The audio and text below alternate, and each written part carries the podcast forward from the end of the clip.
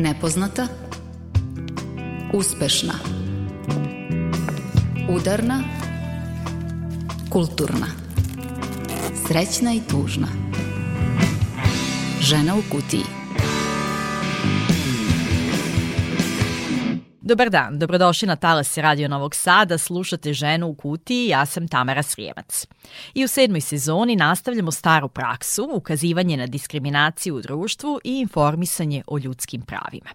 Prva emisija u novoj sezoni nastala je na četvrtom Međunarodnom novinarskom festivalu Fažana Media Fest 2022. koji je održan početkom ovog meseca u Hrvatskoj. Okupio je pre svega novinarke, ali i novinare iz regiona sa centralnom temom žene i mediji. Žena u kutiji donosi priče pet novinarki.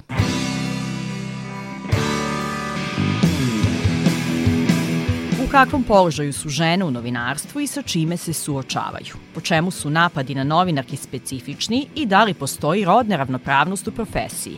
Za ženu u kutiji govore Nataša Kovačev, Tamara Skroza, Vanja Stokić, Štefica Galić i Barbara Matejčić. Kada su mi prijetili odsjecanje glave, ja sam čitala neke komentare u drugim medijima. Na jednom mediju se povela rasprava uh, da li mi je ljepša majica ili to što se nalazi ispod nje. Prebila me žena koja je organizovala proteste uh, i tako ja sam išla u doktoru da me srede te rane jer sam bila sakrvava. Ona je, doktorica mi rekla dobila si što si tražila. Svi mislimo da ko ti niko ne uputi direktnu pretnju na ulici ili fizički nisi napadnut, sve je u redu, nema razloga da budeš zabrinuta. Zapravo ne razmišljamo koliko me novinarki napustilo svoju profesiju zbog te nesigurnosti koje su osetile nakon uh, online napada. Inflacija je sve veća i tekstovi koštaju sve manje. Kad muškarac u novinarstvu napuni 60 godina, on postaje bar novinarstva. Kada žena doživi 60 godina u novinarstvu, ona je baba. I ona nikom više ne treba. Mi moramo tu stvar da menjamo. Udarna žena u kutiji.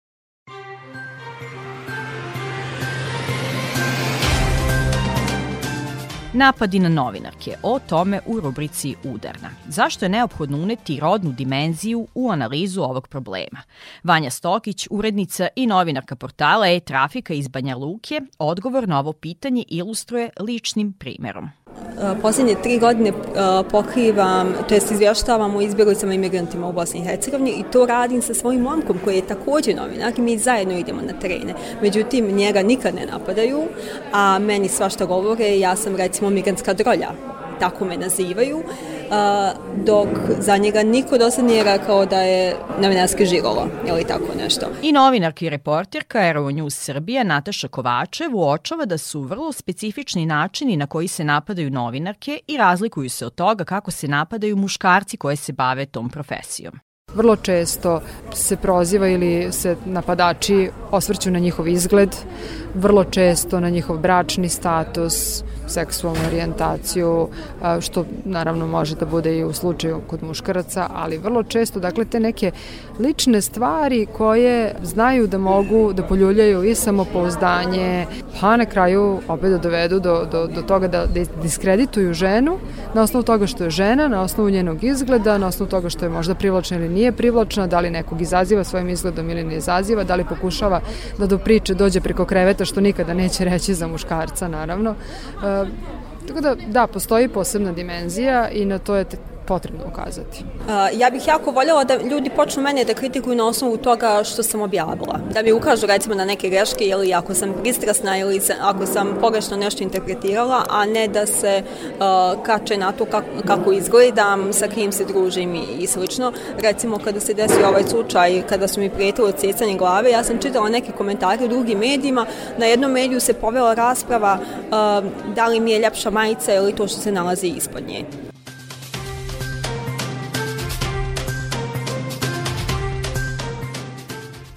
I nažalost to se ne dešava samo novinarkama, to se dešava i pjevačicama i političarkama i uh, ženama iz drugih profesija. Recimo u Republici Srpskoj vi imate jako mnogo diskreditacija uh, političarke na osnovu njihovog izgleda, uh, posebno prema Željke Cvijanović i recimo uh, Sanji Vulić koje ja lično apsolutno ne podržavam, ne podržavam njihov rad, ali napadati ih na osnovu toga kakvi su im zubi, nos ili odjeća je smiješno. Oni imaju neke jako loše političke poteze, hajde da ih prozivamo zbog toga.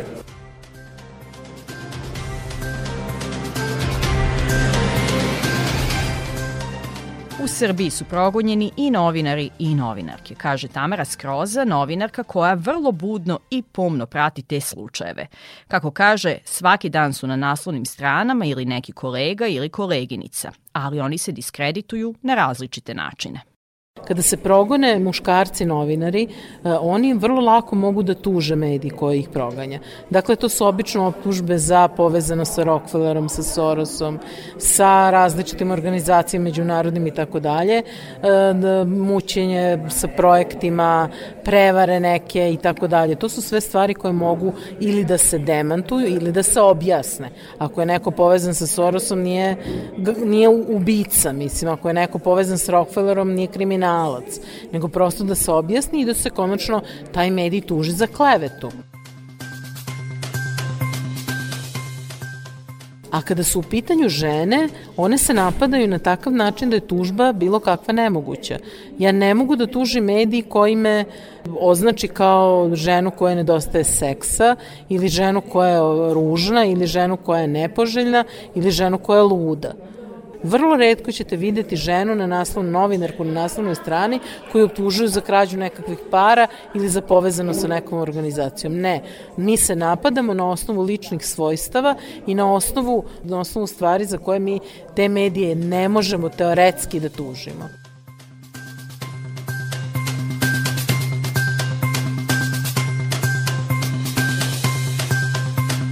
O specifičnom položaju novinarki u odnosu na novinare i napadima na njih govori dokumentarni film Teret iskustva koji je nastao u produkciji CMPM-a i Medija centra Sarajevo.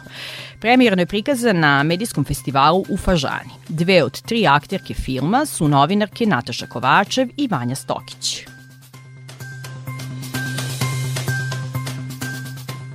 Nataša Kovačev između ostalog u filmu govori o svom iskustvu sa lažnim vestima i prljavoj kampanji na internetu koju je bila izložena u januaru prošle godine. Naime, novinarki tada N1 televizije nije bilo dozvoljeno da uđe u dvorište crkve u Srbobranu na obeležavanje 79. godišnjice racije u Bačkoj. Sa obrazloženjem predstavnika eparhije Bačke da, citiram, N1 nema šta da traži u portama SPC na teritoriji eparhije Bačke, tačka. Nakon toga ona je izvestila o tom događaju, a isto veče na društvenim mrežama osvanula je njena fotografija i lažna izjava u kojoj navodno poziva na useljavanje migranata u sve prazne kuće u Srbiji. Takvo iskustvo otvara oči i stvara osjećaj nesigurnosti, kaže Nataša Kovačev i dodaje da se od prvog dana bavljenja novinarstvom drži etike i principa profesije i pokušava da radi svoj posao najbolje što može. A onda u svakom trenutku, eto, to je ovaj slučaj pokazao, postoji mogućnost da neka anonimna osoba koju ne poznaješ, koja se krije iza lažnog identiteta na društvenim mrežama, da izmisle neku laž o tebi, da počne da je širi društvenim mrežama i da ljudi na osnovu te laži stvaraju neko mišljenje o tebi ili menjaju svoje mišljenje koje je možda do tada bilo dobro, jednostavno poveruju u neku laž i na taj način te ta osoba ili te osobe diskredituju. Ti shvataš koliko smo svi mi ranjivi zapravo, koliko je lako tako nešto uraditi i koliko je lako urušiti nečiji trud i zaista predan rad da, da budeš objektivan, dosledan principima profesije, da se potrudiš da ta priča bude urađena profesionalno kako treba. Da li smo svesni ozbiljnosti pretnji i diskreditovanja putem interneta ili pretežno online svet posmatramo kao nešto izolovano što nema veze sa realnim životom? Mislim da nismo svesni ozbiljnosti zato što a, su sve te statistike negde daleko od a, čitalaca, gledalaca pa i od svih nas koji ne dođemo u dodir možda sa izveštajima nekih organizacija u kojima a, se jasno vidi koliko ili koji procenat tih verbalnih odnosno online napada se prelio u, u realnost, u tu offline sferu. Svi mislimo da to što ti neko napiše se dogodi tamo negde, ako ti niko ne uputi direktnu pretnju na ulici ili fizički nisi napadnut, sve je u redu, nema razloga da budeš zabrinut. A zapravo ne razmišljamo upravo o tome koliko opet po nekim izveštajima novinarki napustilo svoju profesiju zbog te nesigurnosti koje su osetile nakon a, online napada prosto se povuku od nekih teških tema, ne bave se više njima ili napuštaju profesiju. Profesiju nije napustila Vanja Stokić, ali njena realnost u novinarstvu izgleda ovako. 15 online napada u poslednje dve godine. Pretnje kaže prijavljuje redovno, a iskustva sa institucijama su različita. Moje prvo iskustvo je bilo užasno, da institucije apsolutno nisi reagovale. Ja sam otišla u subotu ujutru preplašena da prijavim pretnje smrću i rečeno mi je vrati se za dva dana, dođi u ponedeljak. Ja vama ne mogu opisati taj osjećaj uznemiranosti, straha i samoće. Ja sam tad mislila da sam sama na cijelom svijetu.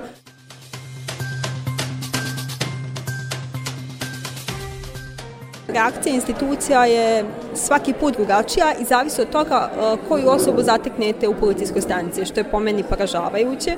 Ono što sam primijetila jeste da su mlađi policajci vrlo osjetljivi, oni stvarno razumiju neke stvari. E, ja upravo vidim problem u tim starijim inspektorima koji apsolutno nisu informatički pismeni i koji misle da online svijet nema nikakve veze sa, sa stvarnim svijetom, a zapravo jako je teško povući granicu jer se jedno preliva u drugo. Poseban problem je tužilaštvo koje apsolutno ne želi da pokreće slučajeve za koje unaprijed misli da će ih izgubiti na sudu, pa to gleda kao kao gubljenje vremena.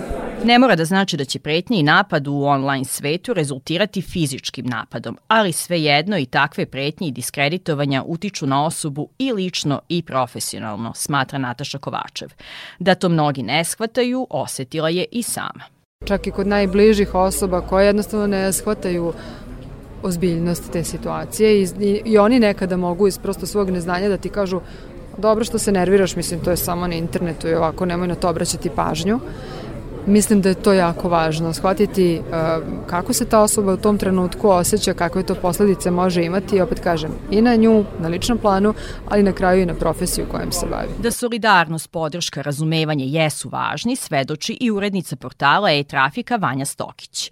Kada je objavila vest o pretnjama smrću koje su ju upućene, dobila je podršku od koleginica, kolega i od čitalaca. Stvorio se čitav sistem solidarnosti koji joj je značio.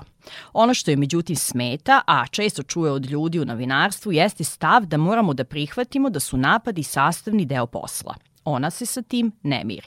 Niko nema pravo da nas napada. Neko može da se ne slaže s našim poslom, ima svako pravo da nas kritikuje, ali ne smije da nas tuče, da pokušava da nas ubije, da nam prijeti, da širi neke laži o nama. Ja nikad neću pristati na to da bude to sastavni dio mog života, iako to sad nažalost jeste. I to je nešto što ja pokušavam da učim i svoje mlade kolege u redakciji. Film Teret iskustva u kojem tri novinarki iznose svoju ličnu priču, rediteljke Sabrine Begović-Ćorić, uskoro će biti dostupan i online. I u nastavku žene u kutiji novinarke govore. Pre toga slušamo Elemental i pesmu U velikom gradu.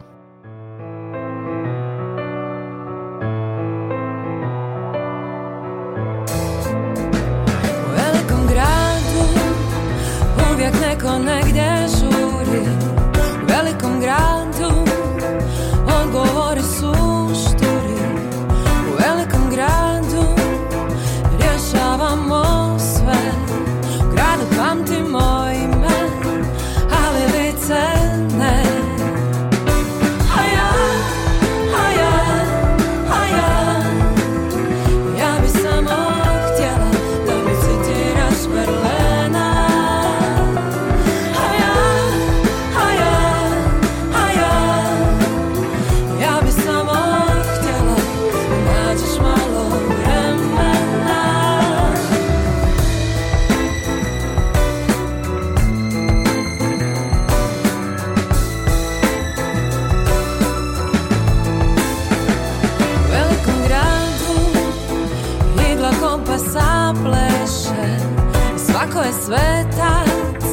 Muškarci nikada ne griješe. Trčimo za srećom Svako traži svoju.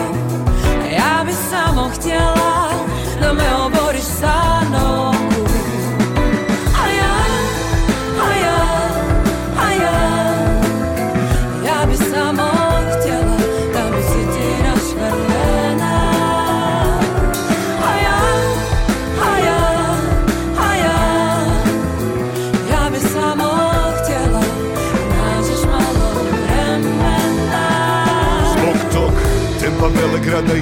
se nešto. Možda prebrzo cijenimo samo sve što vidimo, čujemo što nam stane ispred nosa. Moje ime na tvom ekranu govori ti ko sam, gdje sam. Zar moraš znati svaki tren? Moj je život kroz moj profil u tom svijetu okoljen. Samo par stanica jedno od drugog. Valjda preblizu pa se ne vidimo zbog tog Velikom gradu milijunskom kažu Sve se šanse na brzi uspjeh polažu A mi dijelimo slike na zaslonu telefona Jer mi nemamo vremena dić pogled sa betona A ja u tvojim ulicama lutam A ja ko poruka u boci plutam A ja, a ja sasvim sporo tražim te Ja šaljem ti signal nađi me. A ja, a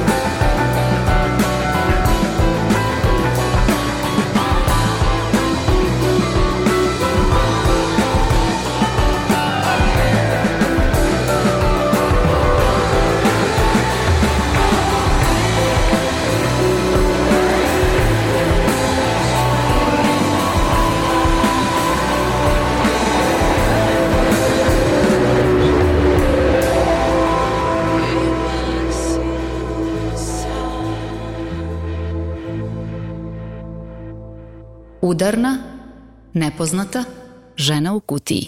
U aprilu je navršeno 30 godina od napada JNA na Ljubuški, grad koji se nalazi na zapadu Hercegovine na granici sa Republikom Srpskom. Sagovornica žena u kutiji je novinarka, aktivistkinja Štefica Galić, koja je tada 90-ih zajedno sa svojim suprugom Neđom Galićem pomagala svojim sugrađanima i sugrađankama nehrvatske nacionalnosti, Srbima i Bošnjacima, da izbegnu deportaciju u hrvatske logore.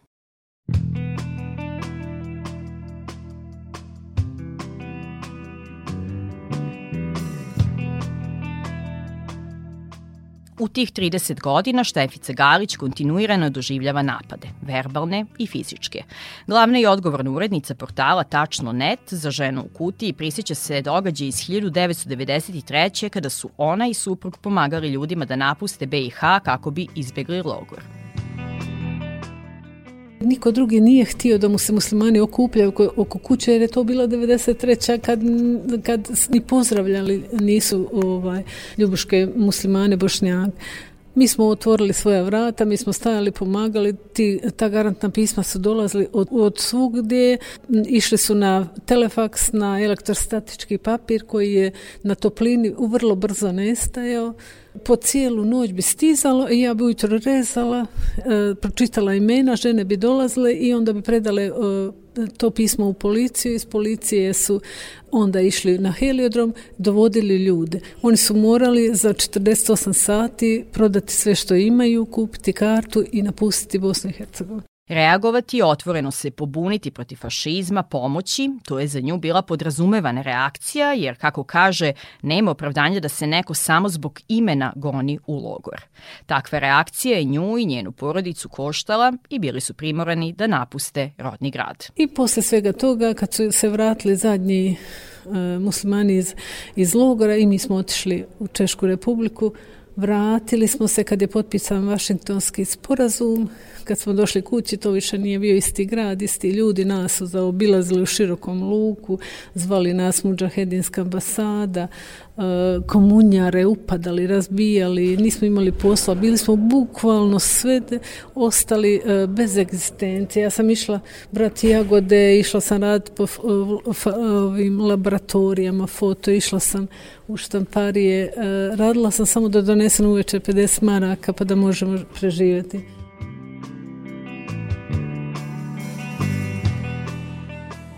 Njen suprug Neđo Galić preminuo je od karcinoma 2001. godine i taj period novinarka pamti kao nikad gori. Ugrožena egzistencija, dugovi i dalje pretnje i pritisci. Pomagali su i kaže neki dobri ljudi, a sve se iznova komplikuje 10 godina kasnije kada je priča o njenom suprugu ispričana kroz dokumentarni film Neđa od Ljubuškog autorke Svetlane Broz. Film je bio novi okidač za napade jer jednostavno e, tamo je bila službena istina, nije ništa bilo, nije niko nikoga dirao, svi smo Hrvati, mi smo i tako dalje. Iz istog razloga, dakle, e, je bio nepoželjan taj film 2012. iz istog razloga iz kojeg 93. nije bilo poželjno pomagati bošnjacima. Ista hajka, dakle, 20 godina kasnije, ovoga puta na nju i decu. Niko mi nije ulazio u kuću, bili smo bukvalno i, i gladni svak. Zvo, zvonili su telefoni, prijetio mi je svak. Parkirao bi se neko s autom ispred vrata moje kuće i Tomsona na hiljadu vati i tako. Pre prikazivanja filma bili su organizovani i protesti. Iako je bilo predloga da se odustane od projekcije zbog ugrožene bezbednosti, Štefica Galić to nije prihvatila. Film je prikazan uz veliko obezbeđenje. Ljude su pitali, na Al Jazeera je baš to bilo, ljude su pitali, pa šta vam se ne sviđa u filmu? On rekao, nisam ga ni gledao. Pa šta ste došli? Pa nisam znao ni kud idem kad je rad bio, pa sam išao kud su svi išli. Dakle, svi su došli, svi su protiv. A zašto? Zato što sam rekla, jer ono što sam vidjela svojim očima, dakle, službena istina u Herceg Bosanska je nije se ništa desilo. Moja nije, jer ja sam gledala šta se desilo a gledala je tokom rata odvoženje ljudi u kamionima, mučenje, premlaćivanje i kaže da će o tome govoriti dok je živa. Svedočanstva su prikazana u dokumentarnom filmu, a nakon premijere kontinuirani napadi na Šteficu Galicu kulminirali.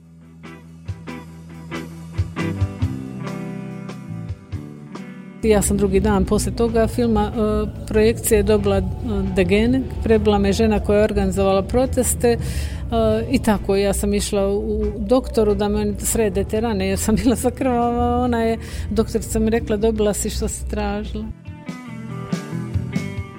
Sve se dakle diglo protiv nas, ja sam molila policiju za pomoć, a na kraju sam od sajbe policije iz Sarajeva saznala da su prijetnje mi dolazile sa IP adresa iz Ljubuške policije.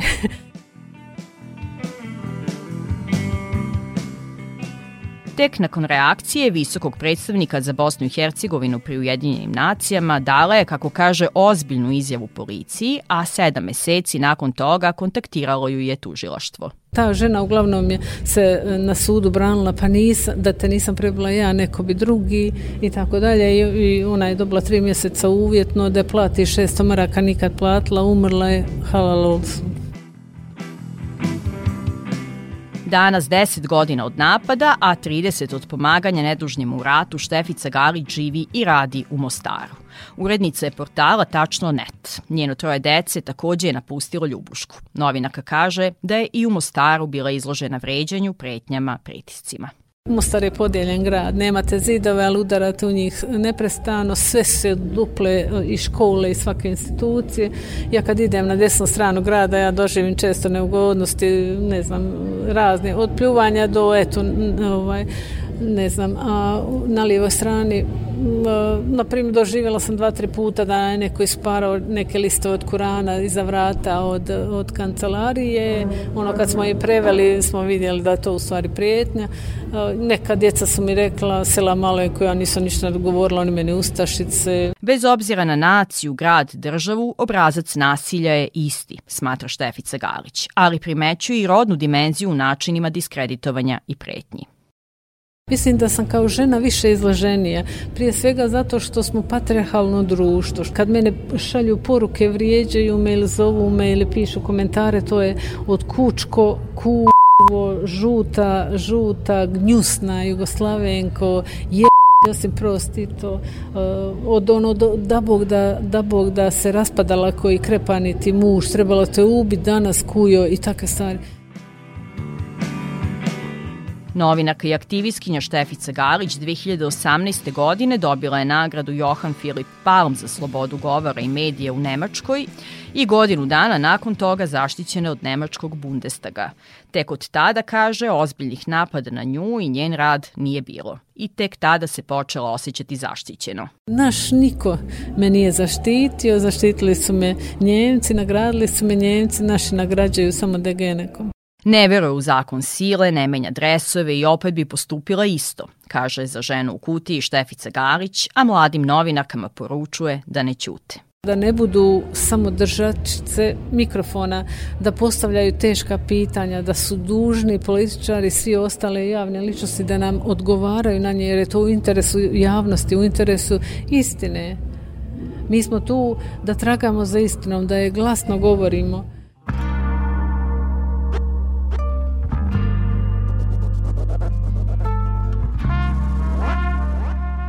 Nakon ovakve priče zaista nam treba pauze da malo saberemo utiske. Slušamo Natali i pesmu Brat koja je objavljena početkom ove godine.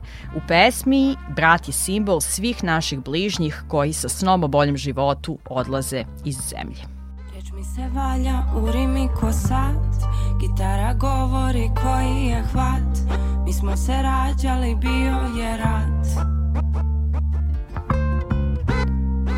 Nekad smo sijali, sada smo mat Gde mi je brat, samo da znaš Nisam te zvala da pušimo haš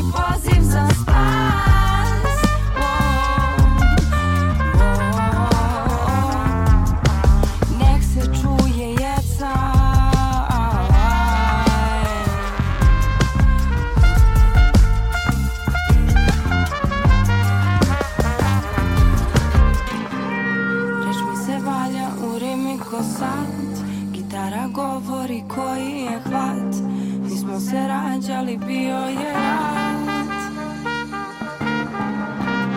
Nekad smo sijali, sada smo mat. Gde mi je brat, samo da znaš. Nisam te zvala da pušimo haš. Kakvo je to vreme kad zaboravljaš probleme I drugima ih poklanjaš?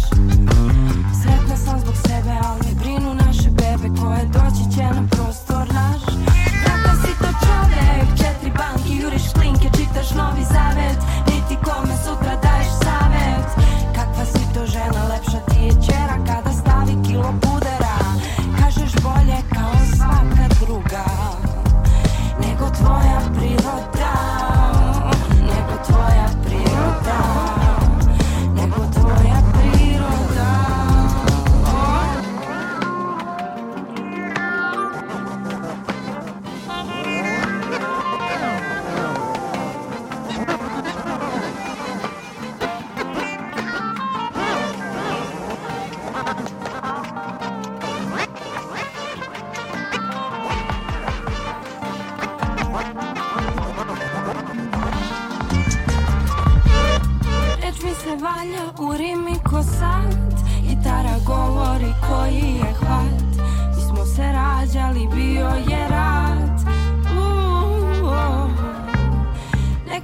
sijali, sada smo mat. Gde mi je brat, samo da znaš.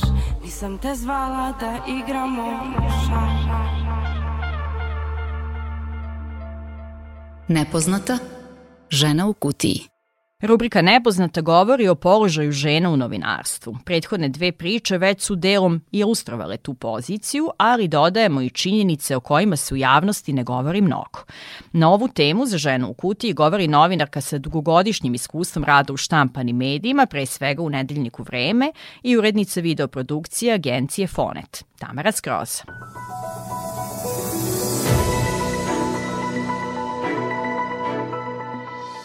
Iako je novinarstvo feminizirana profesija, sve više novinarki, pa čak i urednica, u njoj i dalje važe muška pravila. Zašto je to tako, objašnjava Tamara Skroza i kao prvi razlog navodi tradiciju. Kod nas je tradicija da ako neko govori, to je muškarac. Mi smo imali recimo tekstove sa pograničnog prelaza Batrovci u kome se ovaj, jedna policajka žali kako Turkinje poslušno sede i ćute, a Srpkinje kidišu sa suvozačkog mesta i hoće da govore prosto eto, to je jedan od primera, mislim, te psihologije nekakve. A, ovde se smatra i dalje, koliko god da smo mi napredovali, da ženi posao nije da govori.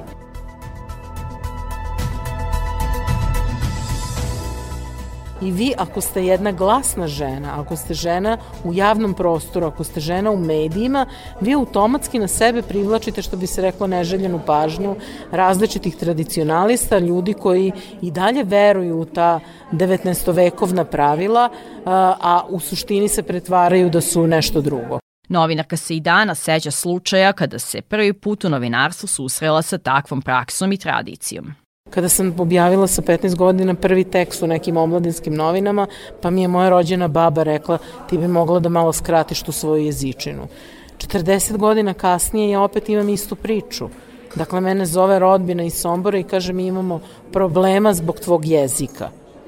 Znači, moj jezik je problem, jezik nas žena je problem. Uz tradiciju novinarka Tamara Skroza izdvaja i ostala pravila koja važu u novinarstvu, a nepovoljna su za nas žene u toj profesiji. To je fenomen staklene tavanice, takozvani glass ceiling, znači e, nivo do koga žena može doći na hijerarhijskoj lestvici. To je, po mom mišljenju, razlika u zaradama, iako mi to ne znamo jer su zarade tajne. E, to je, po mom mišljenju, e, ono što je sad Marinika Tepić u drugom kontekstu upotrebila, ali to je novinarska bratija. Dakle, informacije se i dalje iako je 21. vek, razmenjuju u kafanama u koje žene najčešće ne idu. Ako idu, to su obično devojke koje nemaju još porodicu, nemaju obaveze i vi ste samim tim diskriminisani. Diskriminisane su i novinarke koje ostanu u drugom stanju, dodaje Tamara Skroza, ekspertkinja za medijsku etiku i status žena u medijima. Ako zamislite 20, 10 top novinarki u Srbiji, naj, najpoznatijih novinarki. Govorim, dakle, ne najboljih, nego najpoznatijih novinarki u Srbiji, koje su u svoju karijeru mnogo toga investirale.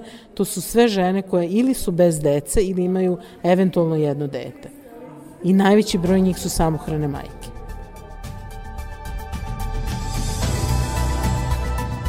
S druge strane, ako uzmete top 10 novinara muških, oni imaju po dvoje, troje, petoro dece bez ikakvih problema njihova karijera je tekla bez ikakvog zastoja, a žene koje su se porađale, svaka je imala ogroman zastoj i ogroman problem. I o čemu mi onda pričamo?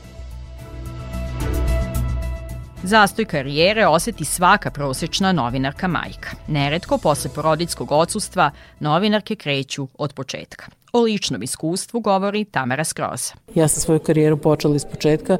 2014. godine imala sam 40 godina. I znači sve što je do tada bilo je bilo po i pike ne važi. To se nije dešavalo mojim muškim kolegama. Dakle, to se desilo tebi, to se desilo meni, to se desilo u N drugih situacija. I mi o tome, e, mislim, mi pričamo, evo, očigledno pričamo, ali ovo je jedna od redkih prilika u kojima se o tome priča. O tome se ne govori. To je zabranjena tema, jer, bože moj, šta se bune. Dakle, ja sam kao novinarka sa već 20, tada već skoro 20 godina iskustva, kad sam ostala u drugom stanju, ostala bukvalno bez ikakvih prihoda i čekala sam penziju svoje majke. Eto, toliko sam bila skrajnuta. Ne postojiš. To nije pošteno. kada se zateknete u toj situaciji da, da zatrudnite, da se razbolite, da se ugojite, da ostarite, vi ste prepušteni sami sebi. U jednom istraživanju o položaju novinarki na kojem trenutno radi Tamara Skroza naišla je na odgovor jedne koleginice koji glasi da novinarka treba da odluči da li će da ima privatni život ili će da se bavi novinarstvom. To je primer koji mnogo toga ilustruje. Pa ne, ne, moram da odlučim. Ja imam pravo da imam privatni život, isto koliko ima i moj muški kolega. Iako praksa pokazuje drugačije, ali Teorija tako kaže, zakoni tako kažu, elementarna pravda tako kaže, ali mi to nemamo i mi se time još nismo ozbiljno pozabavili i ja se nadam da će ova čitava jedna vojska mladih novinarki koje se bave takozvanim ženskim temama, u stvari temom elementarnih ljudskih prava, uspeti da se izbori pre svega za svoje elementarna prava, a onda samim tim i za elementarna ljudska prava svojih koleginica. Ne postoji ravnopravnost između novinara i novinarki, ni u načinima na koji nas napadaju, ni u temama zbog kojih nas napadaju, ni u diskriminaciji, ni u čemu, zaključuje Tamara Skroza.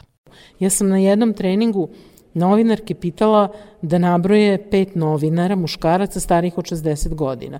One su nabrojale 15 njih. Zamolila sam ih da nabroje pet novinarki koje su starije od 60 godina, a da nisu mi Radanja Polak, znale su možda jedno ili dve. Prvo, tih novinarki nema, jer one odlaze iz profesije, a drugo, i kad ostanu u profesiji, one su skrajnute. To je koleginica Vera Didanović jednom rekla briljantno, ja je stalno citiram, kad muškarac u novinarstvu napuni 60 godina, on postaje bar novinarstva. Kada žena doživi 60 godina u novinarstvu, ona je baba i ona nikom više ne treba. Mi moramo tu stvar da menjamo.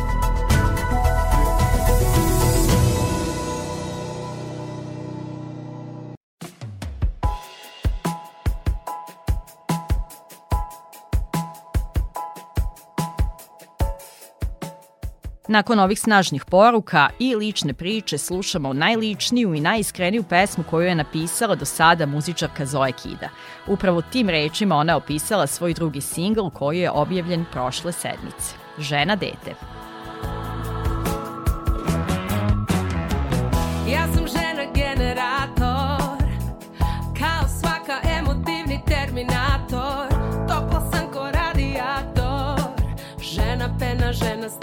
Nekad nadrkani imperator. Ja sam dece animator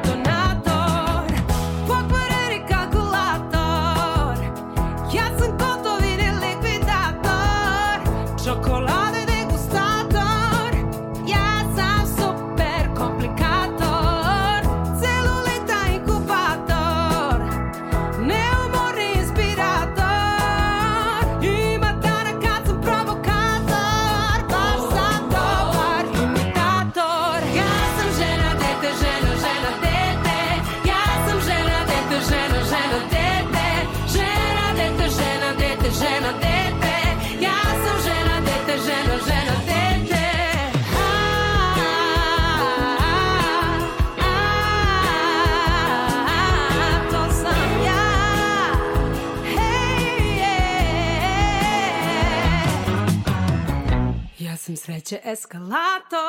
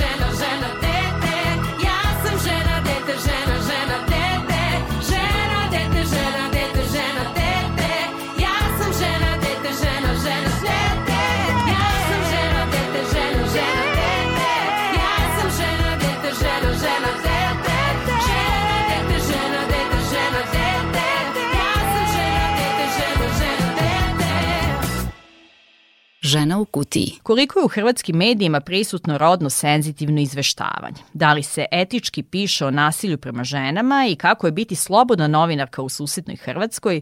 To je poslednja tema sa Fažana Media Festa koja je spakovana u Ženu u kutiji. Svoje iskustva priča novinarka Barbara Matejčić.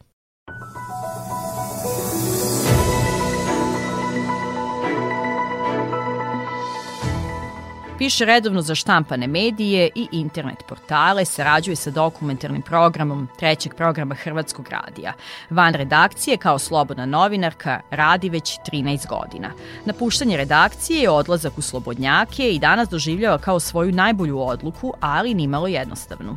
Svi pokušaj osvajanja slobode a, nisu jednostavni i puno koštaju na različite načine, na vašoj egzistenciji, na načinu života i tako dalje ali isto tako mislim, puno toga daju, ono što, što je meni važno. Ja sam prilično nesklona kompromisima i onda mi u tom nekom e, profesionalno slobodnjačkom okviru mislim da mogu puno, e, puno bolje e, se izboriti za načine, meni su prvenstveno bili načini na koji se radi važni i da gura neke granice onoga što smo naučili i onog što vam urednik vrlo često kaže to se tako radi ili tako dalje, ne mislim da se nužno tako radi, mislim da se drugačije može raditi. Kaže, ne želi da dovodi u zabludu slušaoci i slušateljke žene u kutiji da je posao slobodne novinarke u Hrvatskoj lak. Nije realno da živi samo od pisanja tekstova koje će prodavati medijima. Inflacija je sve veća i tekstovi koštaju sve manje. Iz tog razloga je prinuđena da radi i druge poslove. Napisala je knjigu Kako ste, priprema drugu, drži medijske treninge i zbog svega toga sebe danas naziva pre medijskom radnicom nego isključivo novinarkom i zato kaže da pravih slobodnih novinara u Hrvatskoj i nema.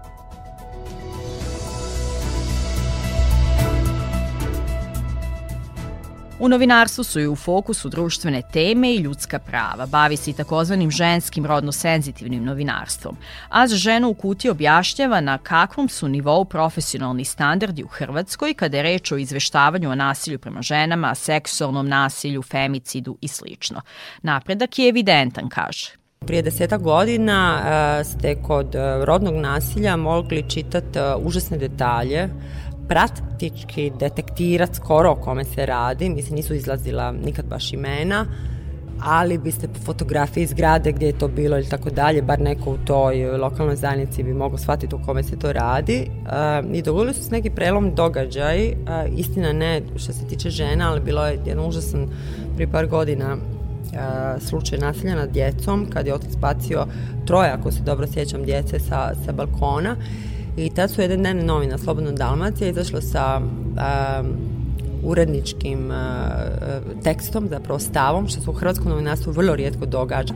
I tad je ta Slobodna Dalmacija rekla da a, neće a, objaviti ništa o tom slučaju. A zato što upravo poštuje, ne znam, postoje žrtve, postoje obitelj žrtava i da će ih poštivati. Mislim, to je bila dosta za naše prilike neka radikalno etička, ne bi trebala biti, ali odluka. A, I mislim da se od onda negdje zapravo i a, izvještavanje o, o nasilju, da se negdje, mislim da se mijenja i da se poboljšava. I dok su s jedne strane prisutni ženski glasovi i u novinarstvu i inače u društvu, s druge strane suočavamo se sa retradicionalizacijom. Kao ilustraciju, Barbara Matejčić navodi primer iz knjige Slavenke Drakulić, Smrtni gres i feminizma iz 1984. godine, koju je zbog posla nedavno iznova pročitala.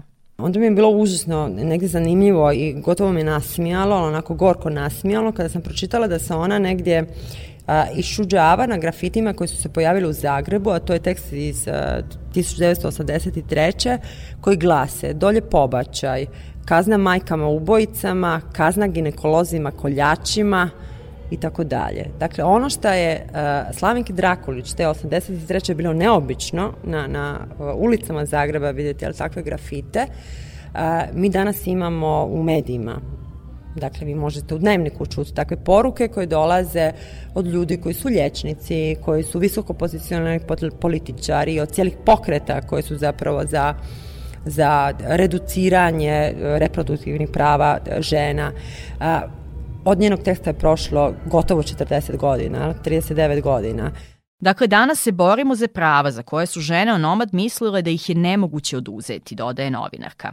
Napretka ima, ali se u nekim pitanjima otišlo i nekoliko koraka unazad. A kako će završiti ta borba, to je stvarno teško prognozirati. Ja? Hoćemo li se mi za 20 godina ponovno kao Slavenka 83. čuditi da postoje a, a, da se u grafitima anonimnima ginekolozi nazivaju koljačima ili će nam zapravo biti potpuno normalno da nijedna žena ne može abortirati. A, mislim, to mi je stvarno teško prognozirati, ali negdje vjerujem da iskreno nisam došla sigurno što vjerujem, ali mi je potrebno da a, da se nadam da se nećemo, da se nećemo vraćati prije, ne znam, ono, 945. Jel? Mislim, uzimam tu godinu kao, kao oznaku a, kraja rata, jer u socijalizmu su stvarno neki veliki broj a, prava žene dobile.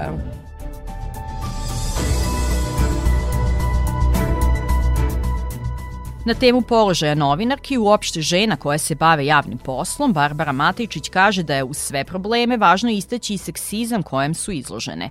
Iako lično nije doživela nikada seksualno uznemiravanje, stalno imala na umu da je to realna potencijalna opasnost. Mislim da je važno to da sam ja ušla u novinarstvo, dakle sa 23 godine, potpuno svjesna, ne samo u koju branšu ulazi, nisam toliko o tome razmišljala, nego sam bila svjesna svijeta u kojem živimo. A, i, I bilo mi jasno kako su pozicionirane žene i koje sve moguće opasnosti vrebe u samim time što ste vi žena. Ja sam dakle sa te 23 godine ušla u redakciju govoreći vi svima, pogotovo muškarcima koji su stariji makar i godinu dana od mene, pa, pa naviše, A, nisam nosila ništa usko ni ništa kratko. Znam da mi je kolegica starija, neko jedno dvije godine u redakciji rekla, o, pa ti imaš noge, jer uopće me vala u toj nekoj širini od te tkanine oko mene nije vidjela. Nikad nisam pila piće nakon posla, na kavu sam išla samo sa dvije kolegice, dakle ja sam sebi unapred zadala pravila koja me eventualno mogu zaštititi od nekih mogućih a, neugodnosti. Međutim, žene nisu dužne to da rade i kako kaže, ni takvo ponašanje ne garantuje da će žena biti zaštićena.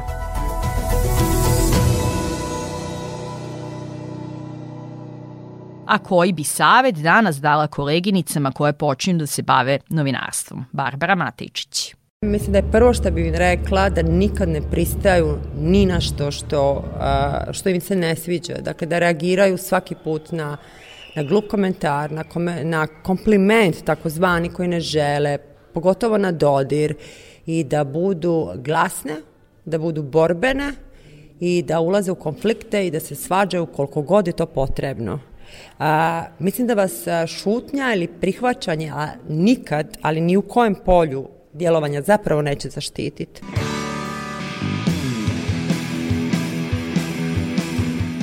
Bila je ovo prva žena u kutiji u novoj sezoni. Lepo je ponovo biti u etru. Hvala vam na pažnji i slušanju. Za ton emisije danas bio zadužen moj kolega Jovan Gajić, ja sam Tamara Srijemac i ponovo sam u ženi u kutiji sa vama za dve sedmice.